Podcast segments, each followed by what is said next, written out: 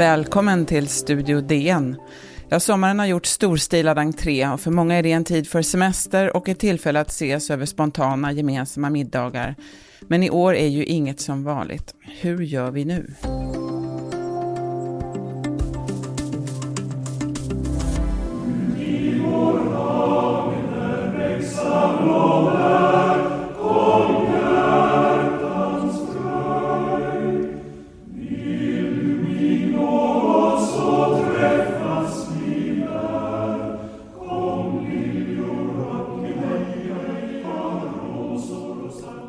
Ja, umgänget under sommaren kretsar ofta helt kring måltider kan det kännas som.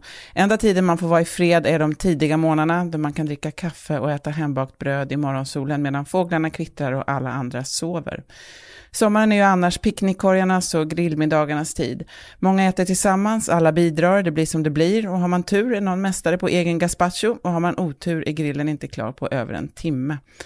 Men den här sommaren är ju förrädisk och vi bör upprätthålla umgängesreglerna också kring maten. Hur ska det gå till? Elin Peters, du är matredaktör på DN. Hej! Hej Sanna! Du är redan på landet? Ja, det är jag. Jag har lyxen att kunna jobba hemifrån. Just det.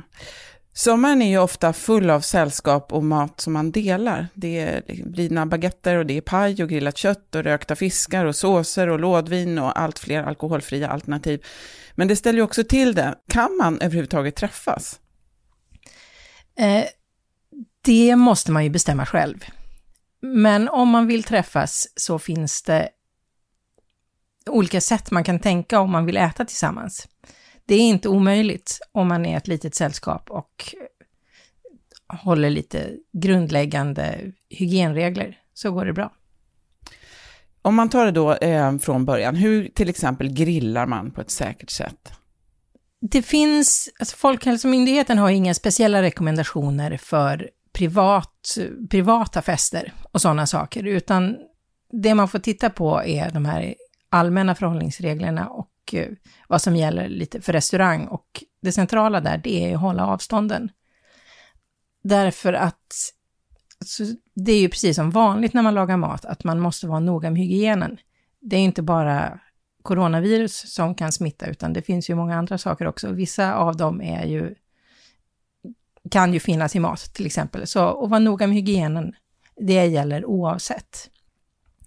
När det gäller att grilla så är det väl kanske inte, man ska inte trängas runt grillen, utan man ska hålla avstånden och kanske låta en person grilla och sen så är det väl bra att när man väl har grillat färdigt, man behöver inte bara tänka på att hålla avstånden medan man sitter och äter, utan det handlar ju också om när man tar maten, att man inte ska trängas runt liksom en, en serveringstallrik till exempel, utan en bra idé då kan vara att en person skär upp och sen så fördelar ut på individuella tallrikar så att man inte behöver liksom samsas om uppläggningsbestick och sådana saker.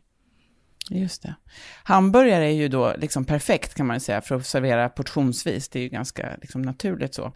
Men att servera på tallrik, om man lägger upp eh, på alla, det fina med en buffé är ju att man får ta precis vad man vill. Det riskerar ju att bli väldigt mycket svinn, tänker jag, om man serverar på tallrik. Jag vet eh, flera i min familj som eh, inte äter allt som eh, man kan välja mellan. Hur, hur ska man tänka? Eh, man kan ju göra så att man fördelar ut de här sakerna som man vill lägga på sin tallrik på lite olika stationer, så kan man gå dit en och en i taget och ta det man vill ha. Så att man inte behöver trängas allihopa på samma plats samtidigt. Sen mm. är det ju alltid smart att ha en plan B när man lagar mat och fundera på vad ska man göra med det som blir över. För det blir ju alltid saker över, det blir ju alltid rester. Mm. Det är ju ytterst sällan som man lyckas planera så perfekt så att all mat tar slut. Finns det där några, några särskilda eh, saker som man ska tänka på eh, av det som blir över? Eh, ja, det gäller ju hygien i största allmänhet, att man ska kyla det snabbt. När, eh, alltså till exempel när det gäller hamburgare, som du tar som exempel, så är det ju lite petigt att man, att man gärna ska ha dem genomstekta om man vill minska risken för att man ska bli matförgiftad. Det är inte alla som gillar det, men det är principen. Alltså rött kött kan ju ge matförgiftningar i större utsträckning än genomstekt kött. Just det. Och, Så så, att, och särskilt om man ska spara dem så är det viktigt att de är genomstekta. ja, och in i kylen med alltså, allt sånt här, kladdiga såser och sådana saker. In i kylen med det snabbt om du tänker att ni ska äta det igen. Just det. Men det finns ju en rad då praktiska utmaningar med att eh, de här särskilda sociala distanseringen som är i år. Vilka krav ställs liksom på den som lagar till maten? Eh, får den personen liksom, den personen måste ju då vara kärnfrisk eller och inte röra mat som eh, man, man ska inte röra vid maten så mycket eller? Så man får ju tvätta händerna och sen pillar man sig inte i ansiktet innan man tar på maten. Så bra handhygien och så ska man ju självklart känna sig helt frisk när man lagar maten. Och inte hålla på och hosta och nysa på maten, sådana saker. Men det är ju, tycker jag åtminstone, självklarheter när man lagar mat. Finns det någon mat som man liksom helt ska undvika just i år? Nej, något sånt har inte jag hört talas om. Inte av, alltså inte av koron coronaskäl finns det någon mat som skulle vara farligare, utan det handlar ju om hur man bär sig åt när man, när man tar det och när man, när man delar på det. Jag skulle väl personligen kanske inte bjuda på liksom plockmat där alla sitter och plockar i maten med händerna. Det känns som att utmana ödet. Och sen ett annat tips som ni också har är ju att man kan ställa fram en spritflaska. Alltså eh, olika typer av spritflaskor pratar vi nu om. Eh, man Precis. kan ha alkoholfria, men alltså också sprit som man inte dricker utan som man också har på händerna. Handsprit, ja. precis. Handsprit, exakt. Eh, vi ska strax prata lite mer om umgänget under sommaren.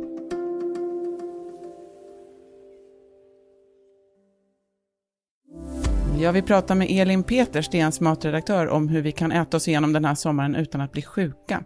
Jag pratade om att kylskåpsmat inte ska stå framme för länge till exempel. Eh, jag vill också höra lite här om själva umgänget. Finns det någon som man inte kan bjuda på sin eh, lilla trädgårdsbjudning? Ja, man ska väl inte bjuda någon som är i riskgrupp. Inga äldre personer eller personer som av andra skäl befinner sig i riskgrupp. Ja, precis. Däremot så får man ju gärna... Alltså det är fint att inte utesluta dem i gemenskapen bara för att de inte är där. Har man möjlighet så kan man ju laga lite mat, skicka över i en påse, eller så kan man ha med dem på, på länk, vinka och skåla via liksom, mobilen eller något sånt. Så att de ändå känner att de får vara med. Det är ju viktigt att... Alltså man kan ju inkludera folk, även de som inte är på plats. Ehm, jag tänker mig att det kan bli stora problem här om det börjar regna till exempel med avstånd och sånt om man är i en sommarstuga, men det kan vi inte göra något åt. Jag tänker man kan ha också lite andra sådana här trender över sommaren just när det gäller mat. Finns det någonting? Man har ju bara pratat ganska mycket om att vi ska minska köttkonsumtion och sånt. Är det sånt som vi ser fortfarande? Liksom det här fejkköttet har ju blivit mycket bättre till exempel. Ja, alltså det finns ju tecken som visar att många väljer mer grönt och att köttkonsumtionen minskar. Och är man sugen på att testa så är ju sommaren ett perfekt tillfälle därför att det är ju så mycket som är i säsong nu och så mycket som är gott. Och dessutom så har man ju kanske särskilt den här sommaren lite mer tid att lägga på matlagningen och då kan man experimentera med saker som man inte har vågat testa förut och kanske som kräver lite tid och ansträngning. Så det är ett perfekt tillfälle. Det är också kanske många som har odlat lite mer än vanligt. Ehm, vad gör man till exempel om man drunknar i ett hav av zucchini eller liksom massor av tomater? Har du några Ja, det undrar jag bra också. tips om det? Det undrar du också? Ja. Ja, alltså zucchini tycker jag är hopplöst. Ja. Eh, Så min lösning på det i år är att bara sätta två zucchiniplantor och så hoppas jag att det inte ska bli ett hav. Därför att jag tycker att zucchini är svårt. Det är inte så himla mycket man kan göra med det som går att spara. Man kan göra lite pajer och man kan grilla det och man kan göra sån här liksom strimlar till zucchinipasta och så. Det kan man ju göra, men eh, och sen så får man, man kan ge bort. Det är bra. Ja, det är Ehm, bra. vi kan ju inte resa så heller som vanligt. Finns det någon, något, liksom, har du något smart tricks för att sätta en liksom, vibe på mid- middagen så att den inte bara så makar sill utan att man kan få lite internationella, eh, någonting annat? Vad, vad har du för bra tips där? Jag tycker det är roligt att göra lite temamiddagar. Så att man bestämmer sig för att man kör en ordentlig italiensk middag någon dag, eh, rakt igenom, med både liksom, kanske lite förrättsplock, och så huvudrätt och, någon, och dessert. och ett genomtänkt vin till. Så kan man ju spela lite italiensk musik och så kan man köra det. Det finns ju många länder som är roliga, både europeiska och runt om i världen. Mm. Finns det några andra saker som du ser nu som är, vad, vad, vad vi sett, vi, det är lite mindre kött, kanske också mycket lokalproducerat och så. Finns det någonting annat som du ser att det här kommer vi nog att eh, äta eller dricka under sommaren? Alltså under våren har man ju sett att folk har bakat mer än vanligt och kanske surdeg och så. Och det kan man ju Verkligen. fortsätta med i sommar. Det är ju perfekt. Det är ju liten arbetsinsats och så sköter det sig själv och så blir det supergott. Jag tänker också att man ju kan lägga lite ansträngning på att göra inläggningar och koka saft och sylt och så av det som man har i sin trädgård. Det är ett jättefint sätt att spara sommaren in när det blir höst. Vad har du själv för favoriter, lite avslutningsvis här, under sommaren? Jag försöker odla ganska mycket bönor i år. För det tycker jag är gott och det har fördelen att det är lätt att frysa och spara så att man kan ha det hela vintern. Vilken typ av bönor då? Eh, jag kör lite olika. Jag kör eh, bondbönor och haricots och vaxbönor. Det låter jättegott. Hur kan man göra dem då så att det också passar för ett större sällskap? Då kan man lägga dem i en, man gör en sallad till exempel som man får...